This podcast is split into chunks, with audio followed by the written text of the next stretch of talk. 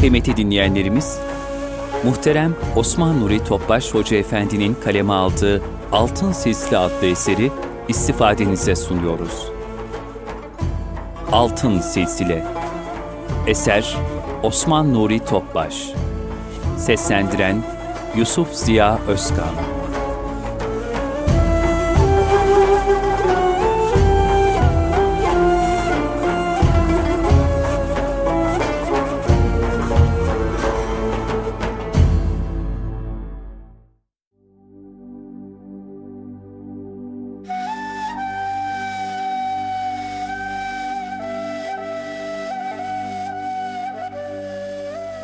Altın Oluk yayınları sunar.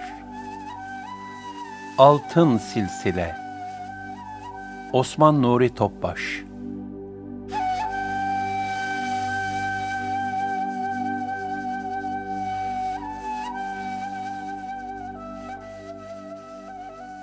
Otuz bir Seyyid Taha el-Hakkari rahmetullahi aleyh.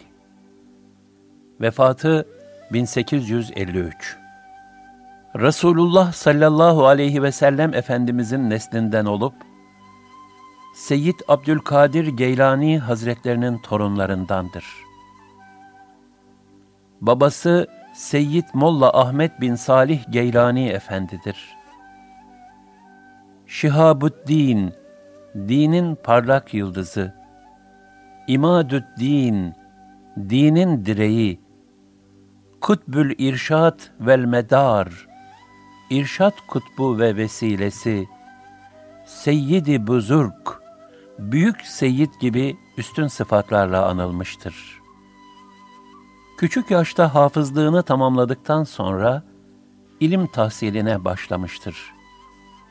Süleymaniye, Kerkük, Irak, Erbil, Bağdat gibi ilim merkezlerine giderek büyük alimlerden tefsir, hadis, fıkıh gibi zahiri ilimleri, zamanın fen ve edebiyat bilgilerini tahsil etmiştir. Amcası Seyyid Abdullah Şemdini, Halid-i Bağdadi Hazretlerinin medrese arkadaşıydı. Onunla kardeş gibiydiler. Bir taraftan zahiri ilimleri tahsil ederken, bir taraftan da gönül ilmini meşkedecek bir mürşid-i kamil arıyorlardı. Bu sebeple Halid-i Bağdadi rahmetullahi aleyh Hindistan'a gidip gelince, Seyyid Abdullah rahmetullahi aleyh hemen onu ziyarete gitti. Mevlana Halid'in tahsil ettiği marifet ve kemalatı görünce, ona olan muhabbet ve hayranlığı daha da arttı. Ve hemen ona intisap etti. Önde gelen talebelerinden oldu. Bir müddet sonra kendisine icazet verildi. Seyyid Abdullah rahmetullahi aleyh bir gün Halid-i Bağdadi Hazretlerine kardeşinin oğlu Seyyid Taha el-Hakkari'nin harikulade istidadından bahsetti. Mevlana Halid rahmetullahi aleyh de bir dahaki gelişinde onu da beraberinde getirmesini istedi.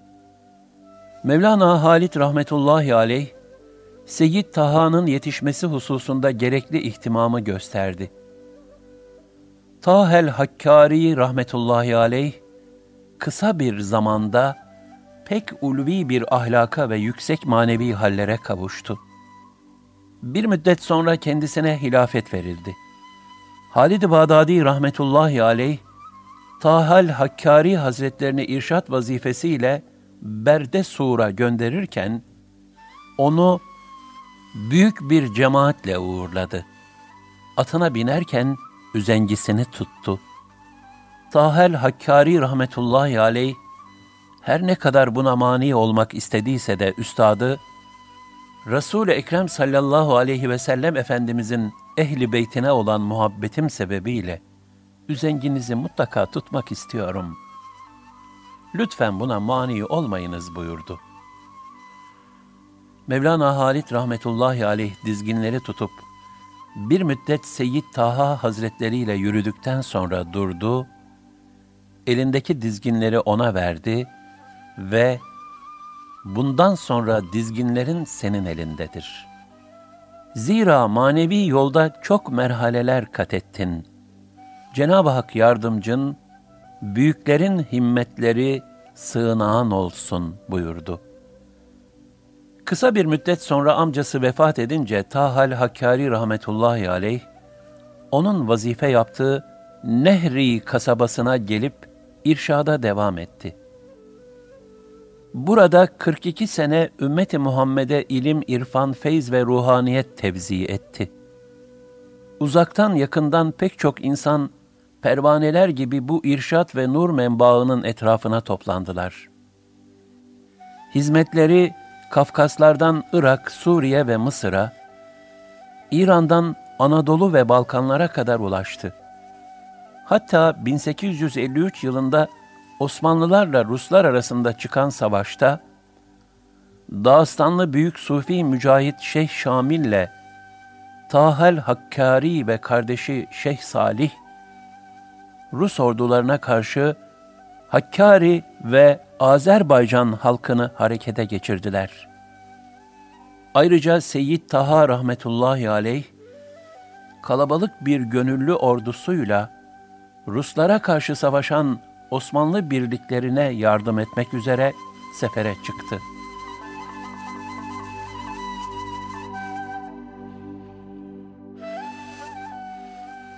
Faziletleri Tahel Hakkari rahmetullahi aleyh, teheccüd namazını ekseriya evinde, bazen de kendi mescidinde eda ederdi. Kuşluk namazını daima camide kılardı. Her gün medreseleri dolaşır, talebelerin tahsillerini tetkik eder, müderrislerin müşkil meselelerini hallederdi.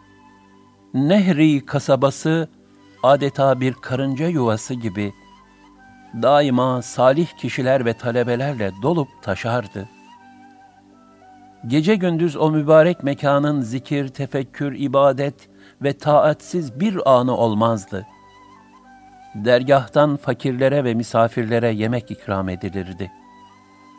İkindi namazından sonra hatmi hacegan yapılır, sonra da İmam Rabbani Hazretlerinin mektubatından okunurdu. Akşamdan evvel yemek yenir, akşamla yatsı arasının zikir, tefekkür ve ibadetle ihya edilmesine ehemmiyet verilirdi. Seyyid Taha rahmetullahi aleyh, vakar, heybet ve son derece merhamet sahibi bir mürşidi kamildi. Zaman zaman talebelerine latife ve nükte yaptığı olurdu. Tahel Hakkari rahmetullahi aleyh, talebelerinden kimseyi ihmal etmez. Herkesin halini hatırını sorardı. Kimin bir sıkıntısı varsa hemen gidermeye gayret ederdi. Sıla-i rahime ehemmiyet verir, muhtaçların ihtiyaçlarını karşılardı. Üstadının tavsiyelerine uyarak gafil devlet adamlarıyla görüşmez. Ancak bazı Müslümanların ihtiyaçlarını karşılamak üzere mektup yazdığı olurdu. Resulullah sallallahu aleyhi ve sellem Efendimiz'e ve ashab-ı kirama muhabbeti çok fazlaydı. Şemdinli'nin doğusunda İran hududuna yakın bir dağ vardır. Hazreti Ömer radıyallahu anh zamanında ashab-ı kiram fetih için buralara gelmiş ve bu dağda bir kısmı şehit olmuştur. O zamandan beri bu dağın ismi Şehidan yani Şehitler Dağı olarak kalmıştır. Seyyid Taha rahmetullahi aleyh, Şehidan Dağı'nı her sene iki defa ziyaret eder ve oradaki sahabilerin ruhlarını şad ederdi. Seyyid Taha rahmetullahi aleyh, insanların her türlü hizmetine koşardı. Nitekim bir defasında Nehri kasabasının alt tarafına bir değirmen yapmaya karar verdi. Plan ve projesini bizzat kendisi hazırlayıp, yapılışı esnasında talebeleriyle birlikte sırtında taş taşıdı. Günlerce çalıştıktan sonra nihayet değirmenin inşası tamamlandı. Değirmen öyle sanatlı, öyle muntazam yapılmıştı ki, hazne kısmına buğday konulduğunda kendiliğinden çalışmaya başlar, haznede buğday bittiğinde dururdu. Bunu görenler, Seyyid Taha Hazretlerinin yüksek zeka ve dehasına da hayran kalırlardı.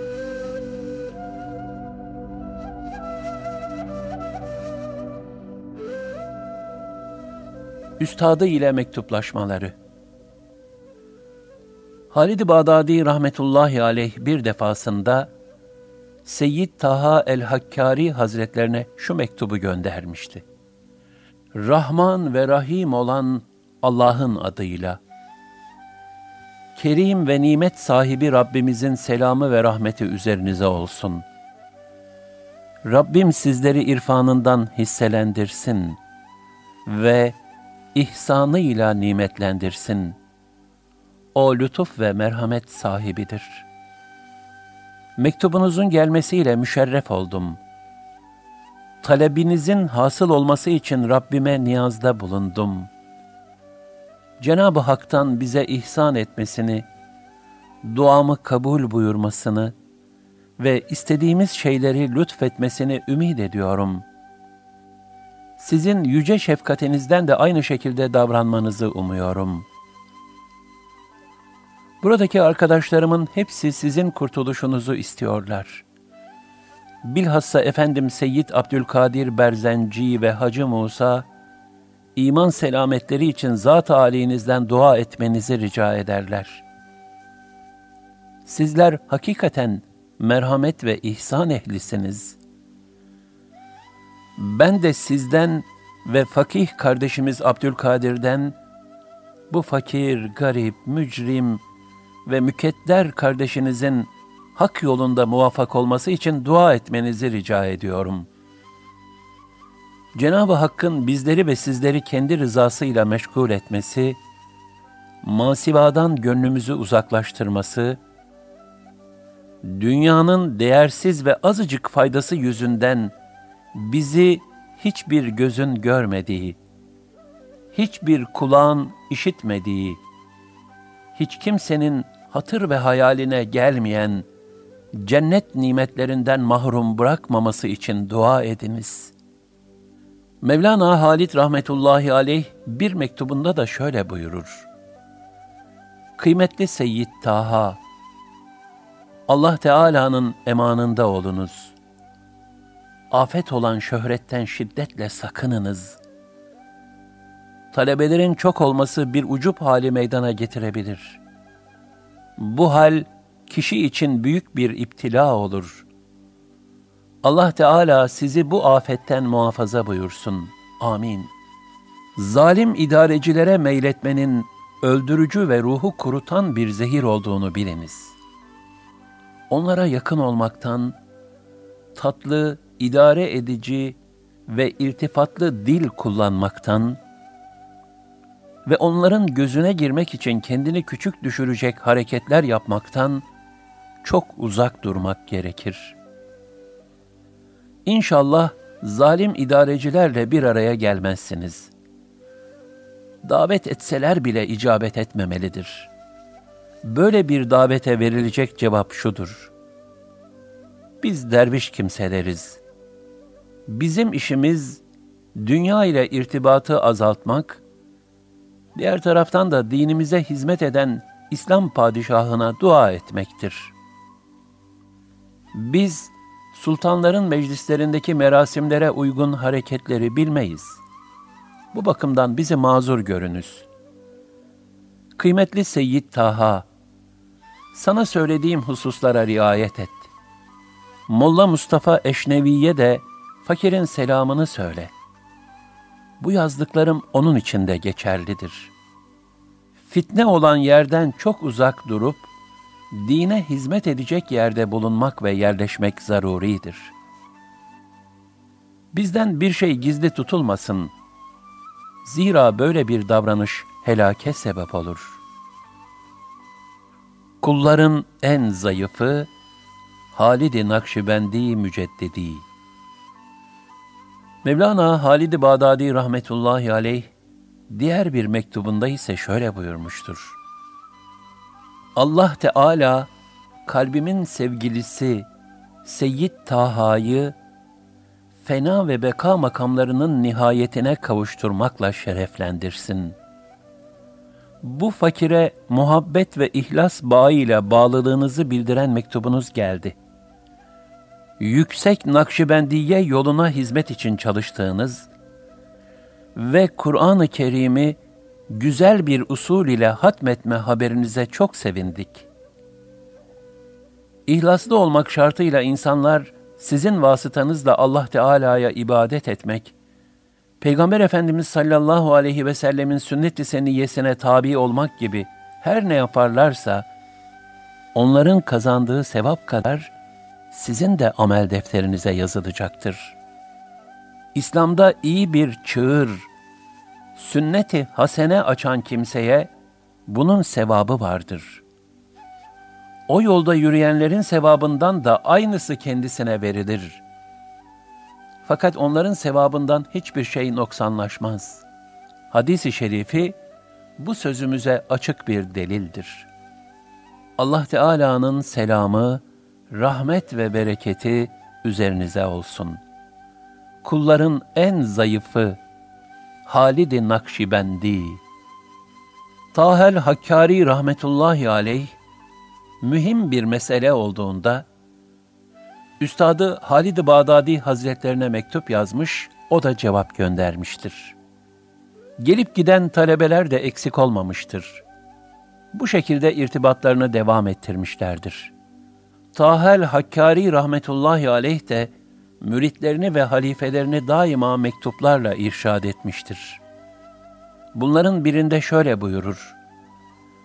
Dervişlere karşı muhabbet, dünya ve ahiret saadetinin sermayesidir. Şu iki şeyi muhafaza etmek lazımdır. 1. Şeriat sahibi Peygamber sallallahu aleyhi ve sellem Efendimiz'e tabi olmak. 2. Kendisine tabi olunan üstada karşı muhabbet ve ihlas. Bu ikisi olunca her ne verirlerse nimettir. Bir şey vermezlerse de gam değildir.'' Zira nasıl olsa sonunda vereceklerdir. Allah korusun, bu iki husustan birinde noksanlık olur da, bununla birlikte manevi haller ve zevkler normal bir şekilde devam ederse, o halleri hile ve istidraç olarak bilmek, insanı harap edecek bir şey olarak görmek lazımdır. Doğru yol budur.'' her işte muvaffak kılan Cenab-ı Hak'tır.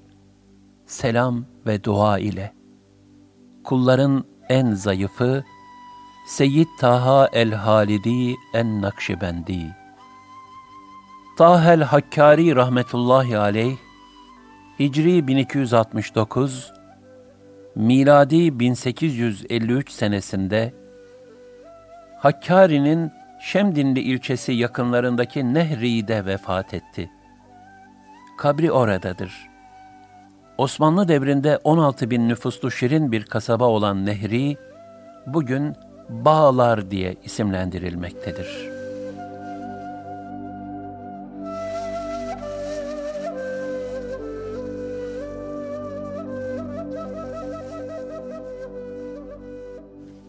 Hikmetli Sözleri Bu yüce yola intisap edenlerin faydası, ana babalarına ve atalarına da ulaşır.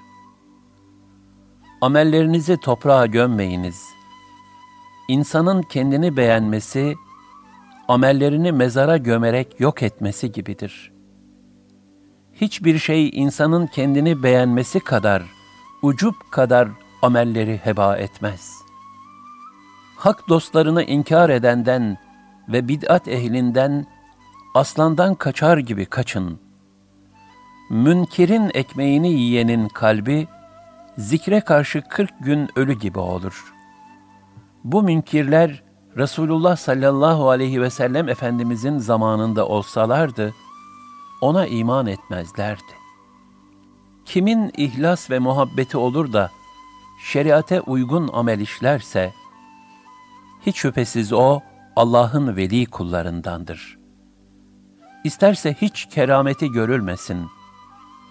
Kimin de ihlası, muhabbeti ve ameli salihleri yoksa, ondan kerametler zuhur etse bile bunlar keramet değil istidraçtır. Allah cümlemizi bu hale düşmekten muhafaza buyursun. Amin. Tahel Hakkari Hazretleri misvak kullanıldıktan sonra kılınan bir rekat namaz, misvaksız kılınan yetmiş rekattan daha hayırlıdır. Hadis-i şerifine şu manayı verirdi. Hadiste geçen sivak kelimesi, misvakla dişleri temizlemek manasına geldiği gibi, senden başkası anlamına da gelir. Bu durumda hadisi şerife şöyle bir mana da verilebilir. Kendini ve dünyevi şeyleri terk ederek, Rabbine yönelip, onun huzurunda olduğunu hissederek kıldığın bir rekat namaz, gafletle kıldığın yetmiş rekattan daha hayır.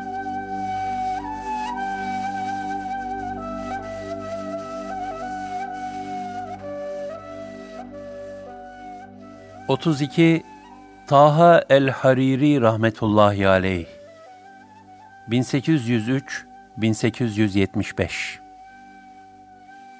Taha el-Hariri rahmetullahi aleyh Hicri 1220 miladi 1803 senesinde Musul vilayetine bağlı Erbil'in Harir kasabasında doğdu. İlk tahsilini Erbil'de yaptı. Kur'an-ı Kerim'i hıfzetti. Bağdat medreselerinde ilim tahsil ederek yüksek seviyede icazet aldı. Zahiri ilimleri ikmal ettikten sonra Halid-i Bağdadi Hazretlerinin Erbil'deki halifesi Hidayetullah Efendi'nin hizmet ve himayesine girdi. Hidayetullah Efendi rahmetullahi aleyh, Muhammed Esat Efendi'nin dedesidir. Tahel Hariri rahmetullahi aleyh, daha sonra devrin büyük şeyhi Seyyid Tahel Hakkari rahmetullahi aleyh ile önce rüyada, sonra da bizzat kendisini ziyaret ederek görüşmüş ve bir müddet sonra da şeyhi tarafından kendisine icazet verilmiştir. İyi bir tahsil görmüş, kendisine itibar edilen, muhterem bir şahsiyet olan Tahel Hariri rahmetullahi aleyh, Erbil ve Musul bölgelerinde yaklaşık 40 yıl halkı irşatla meşgul olmuştur. Şeyhinin yaptığı gibi o da sohbetlerinde zaman zaman İmam Rabbani Hazretlerinin mektubatından okuyup şerh ederdi. Zamanın irşat kutbu olan Tahel Hariri rahmetullahi aleyh, Hicri 1292, miladi 1875 senesinde vefat etti. Kabri Harir'dedir. Tahel Hariri rahmetullahi aleyh, vefatına yakın, kendi yerine halifesi Muhammed Esat Efendi'yi bırakmak istediğini beyan etti. Esat Efendi rahmetullahi aleyh ise bu mühim vazifenin üstadının oğluna tevdi edilmesini istirham etti. Şeyh Taha rahmetullahi aleyh, oğlum ben varken vardır, benden sonra o da yoktur. Siz layık olduğunuz için bu emaneti ben size tevdi ediyorum buyurdu. Hakikaten Tahal Hariri Hazretlerinin buyurduğu gibi, oğlu kendisinden altı ay sonra vefat etti. İrşat vazifesine Muhammed Esat Efendi devam etti.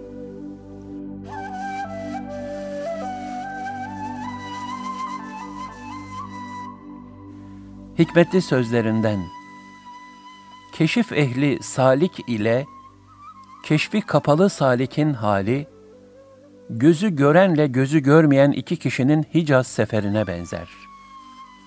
Her ikisi de yol boyunca devamlı olarak gayelerine yaklaşmaktadırlar. Fakat gözü görmeyenin sevabı daha çoktur. Seyr-ü sülükte de keşfi olmayan salik her ne kadar görünmüyorsa da devamlı terakki halinde olduğu için keşfi açık olandan daha kazançlıdır.'' Muhammed Esat Efendi rahmetullahi aleyh şöyle buyurur. Üstadım Şeyh Tahel Hariri rahmetullahi aleyh, hayvanların Allah'a insanlardan daha çok ibadet ettiğini söylerdi.